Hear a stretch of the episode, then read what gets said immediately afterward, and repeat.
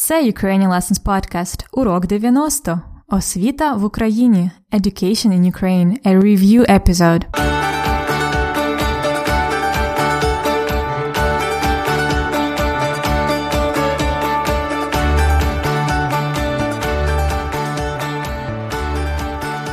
Добрий день! Це Анна з 90-м епізодом подкасту Уроки української. Кожен п'ятий урок на подкасті це урок повторення. У попередніх епізодах ми вивчили багато нових слів і дієслів з префіксами, тому тепер треба все це добре повторити. А оскільки це десятий урок, ми розробили для вас також флеш-картки, з якими ви можете вивчати і повторювати нові слова з попередніх епізодів. Ці картки разом з конспектами уроків є частиною нашої преміум підписки. Отже, сьогодні на подкасті ви почуєте друге голосове повідомлення від Христини її мамі. І воно не маленьке, бо Христині є що розказати про своє життя і про освіту в Україні. Тому пропоную починати. So today we have урок повторення, a review lesson. You are going to listen to the second voice message from Христина to her mom.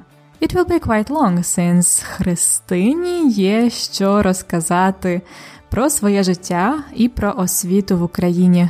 Христина has things to tell about her life and about education in Ukraine. Also, I would like to remind you that every 10 episodes, and today it's the 10th episode of the season, we develop the flashcards that allow to learn and review new words from the previous episodes. These digital cards, along with the lesson notes, are included in our premium subscription. You can use those cards in the application called Enki. To find out more, go to ukrainianlessons.com slash episode 90. А зараз пропоную починати. I suggest we start.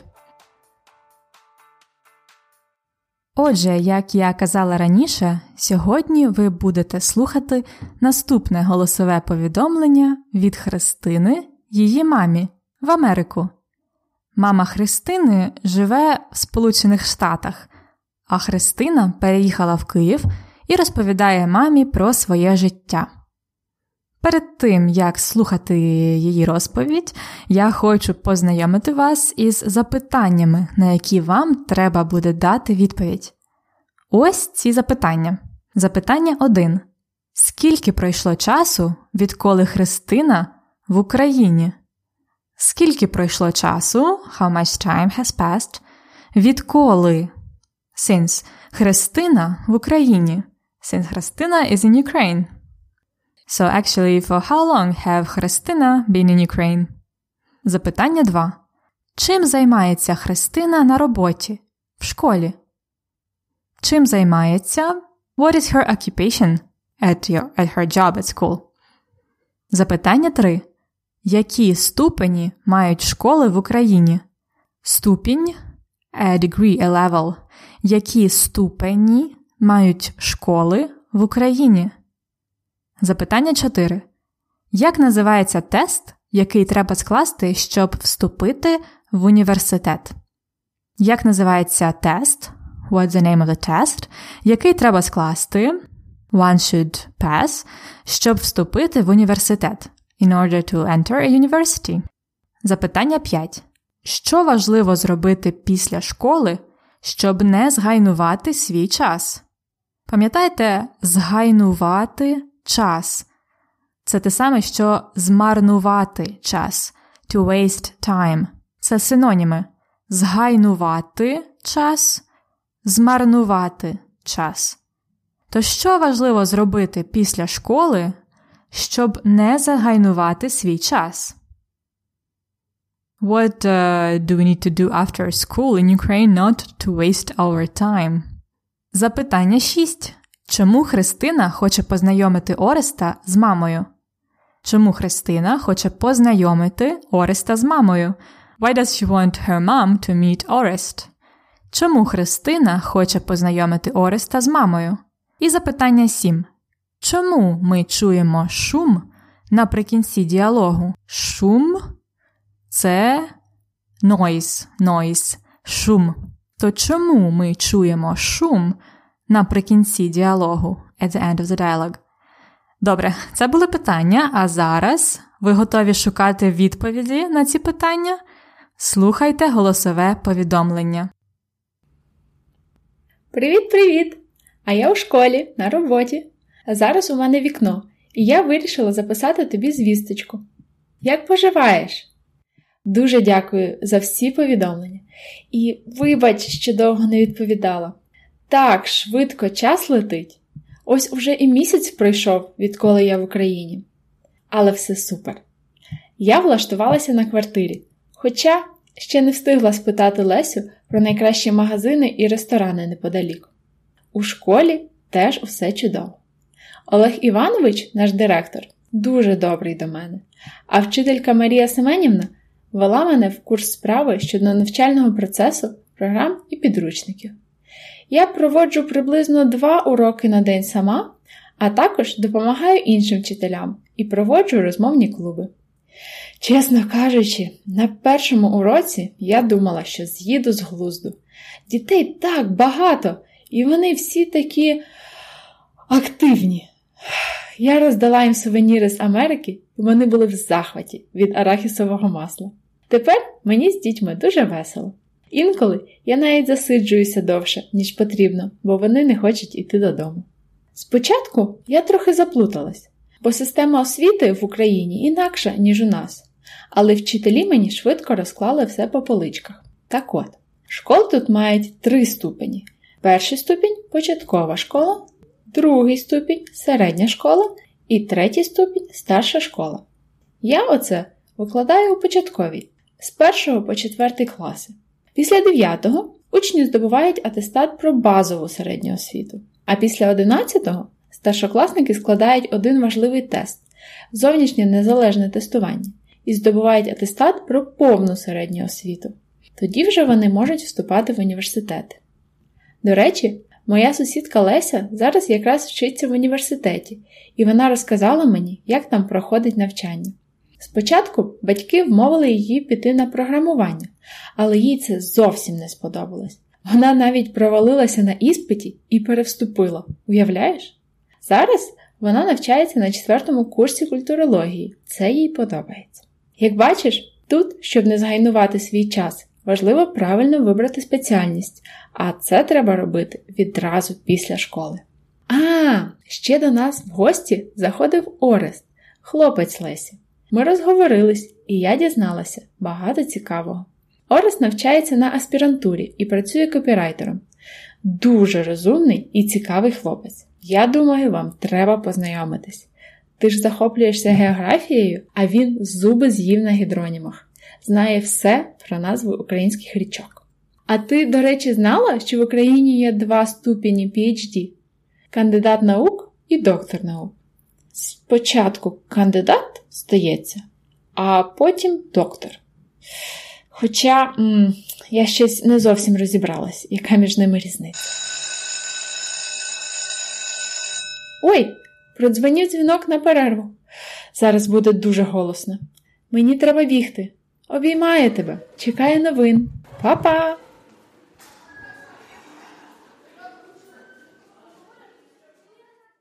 Ось така розповідь Христини. Вона каже, що вона зараз у школі, і у неї вікно, тому вона має час записати голосове повідомлення. Знаєте, що таке вікно?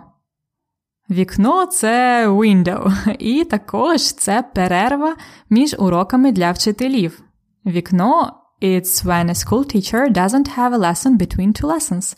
Це називається вікно. Ось така вчительська термінологія. А тепер перейдімо до запитань. Я буду ставити вам запитання і залишати пропуски, а ви спробуйте скласти повне речення і відповісти. Try to respond with full sentences, and if you can, do it out loud. Запитання 1. Скільки пройшло часу, відколи Христина в Україні?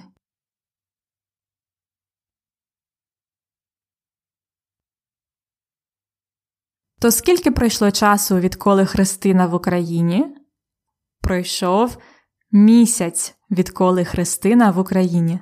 Вже місяць Христина в Україні. Добре. Запитання 2. Чим займається Христина на роботі в школі?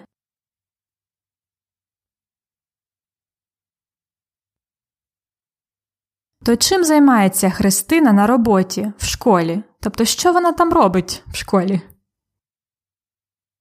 Вона проводить приблизно два уроки на день, а також допомагає вчителям і проводить розмовні клуби. Так? Добре. Запитання 3. Які ступені мають школи в Україні?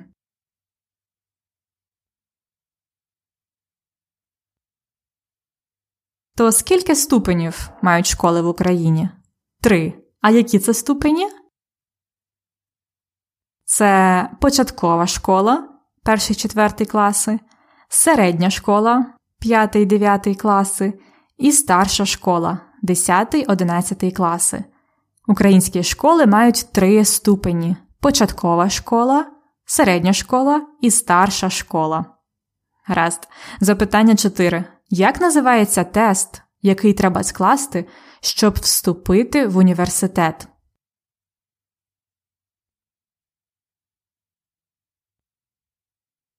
То як називається цей тест? Він називається зовнішнє незалежне тестування.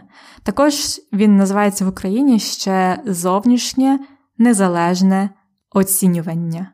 Ми поговоримо більше про цей тест в культурному факті сьогодні. А зараз запитання 5. Що важливо зробити після школи, щоб не згайнувати або не змарнувати свій час?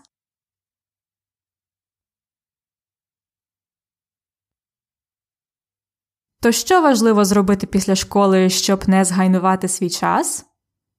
Щоб не згайнувати час, після школи важливо правильно вибрати свою спеціальність. Спеціальність, пам'ятаєте, це major.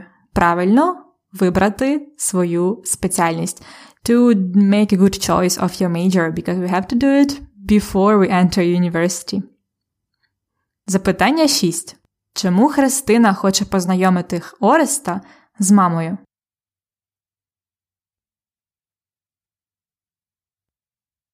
То чому Христина хоче познайомити Ореста з мамою? Бо мама Христини захоплюється географією, а Орест зуби з'їв на гідронімах, назвах річок. Мама Христини любить географію, а Орест любить назви річок. Тому, можливо, їм буде про що поговорити. І запитання 7. Чому ми чуємо шум наприкінці діалогу?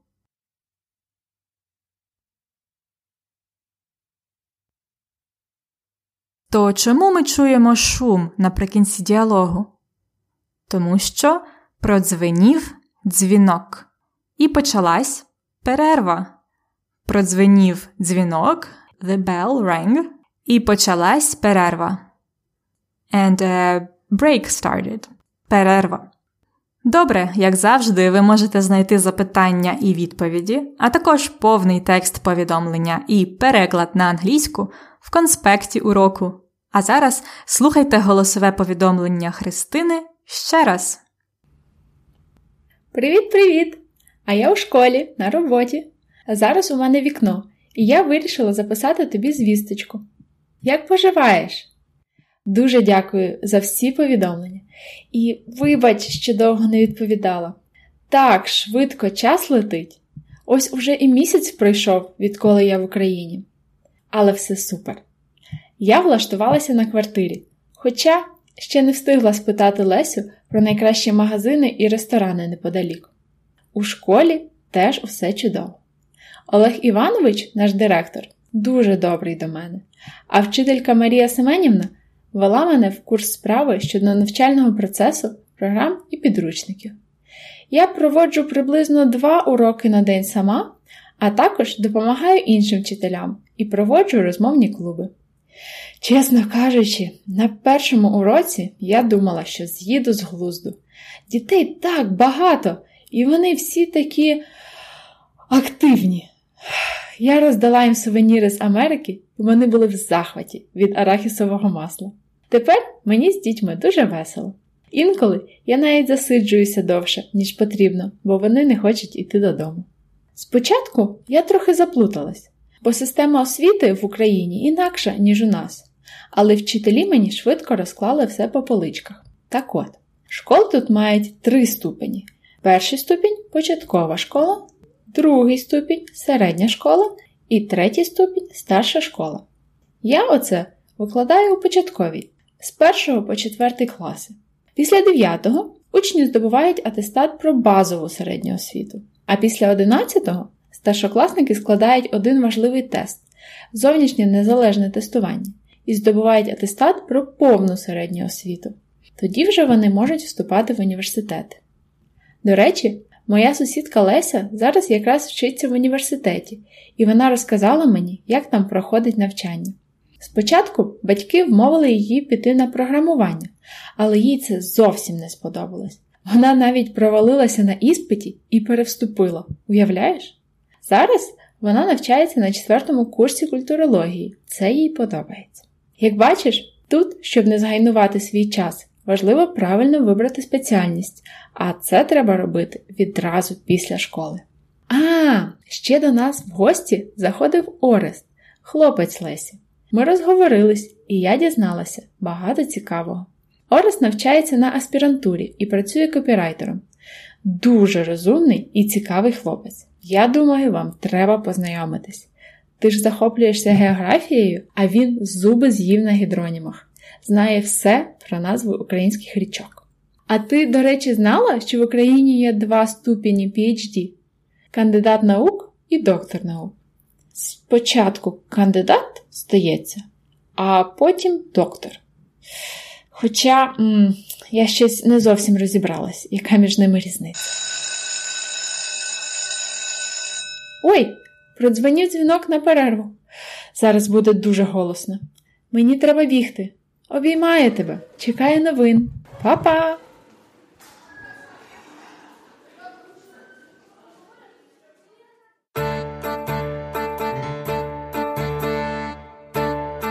Дієслово дня. В епізоді 88 дієслово дня було вчити і вчитися. В епізоді 89 навчати і навчатися. А сьогодні у нас ще одне схоже дієслово дня вивчати. Вивчати доконаний вид вивчити. Вивчати або вивчити означає to learn something, to study something, to explore or research something, to come to know something well. Наприклад, ви зараз вивчаєте українську мову. Я, коли я вчилася в університеті, вивчала лінгвістику. А зараз я навчаю вас українській мові. Ви вивчаєте українську мову з моїм подкастом. Ось так всі ці три слова в одній ситуації. Слухайте ще раз. Коли я вчилася в університеті, я вивчала лінгвістику. А зараз я навчаю вас українській мові. Ви вивчаєте українську з моїм подкастом. Добре, а тепер будемо утворювати форми. Я вивчаю. Ти вивчаєш. Він вивчає. Яка це дієвідміна? Це перша перша дієвідміна. Ми вивчаємо. Ви вивчаєте. І вони вивчають. Вивчати це недоконаний вид. А доконаний вид дуже схожий. Там тільки одна буква інакша. Вивчити це доконаний. Вивчати вивчити. То ви зараз вивчаєте українську мову? Чи ви вже її вивчили?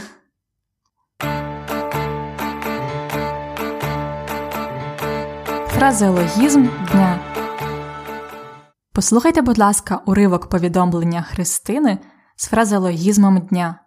Дітей так багато, і вони всі такі активні. Я роздала їм сувеніри з Америки, і вони були в захваті від арахісового масла. То фразеологізми дня сьогодні бути в захваті. Бути в захваті. literally to be in rapture, in raptures, to be delighted. Христина пригостила дітей арахісовим маслом, і вони були в захваті. Христина treated kids with peanut butter, and they were delighted. Інший приклад. Він в захваті від свого нового телефона. He's very happy about his new phone. Very common situation nowadays. Він в захваті від свого нового телефона. Бути в захваті від чогось. Бути в захваті від плюс родовий відмінок. А ви від чого в захваті?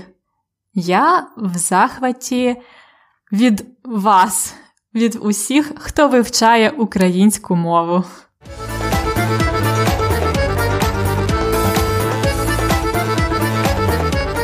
Культурний факт на подкасті.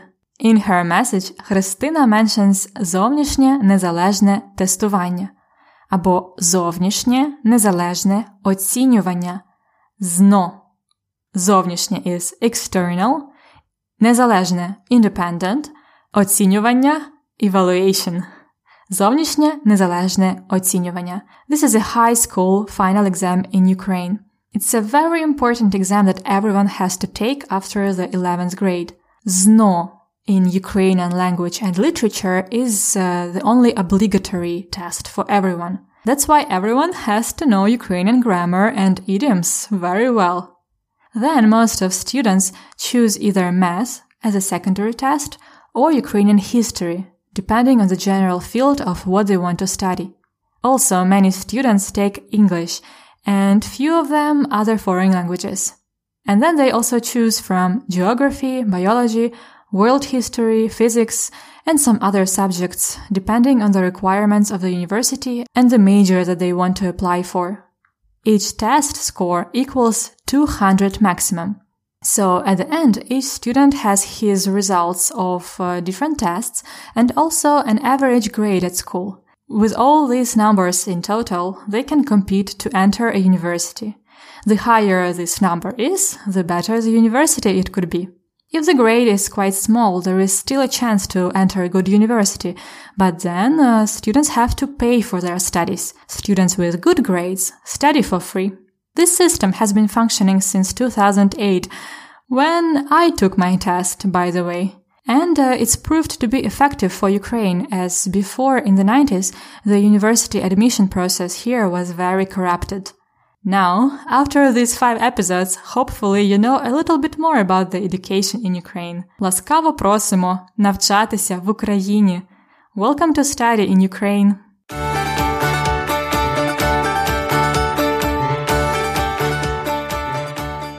На цьому я закінчую черговий розділ історії про Христину і її пригоди в Україні. Це був розділ про освіту. І далі буде. The story about Христина and her conversations in Ukrainian are to be continued. And for now, you can download the premium flashcards and lesson notes to practice. In the lesson notes this week, we have prepared great exercises for you to practice those verbs with prefixes that I tried to teach you over the last 10 episodes.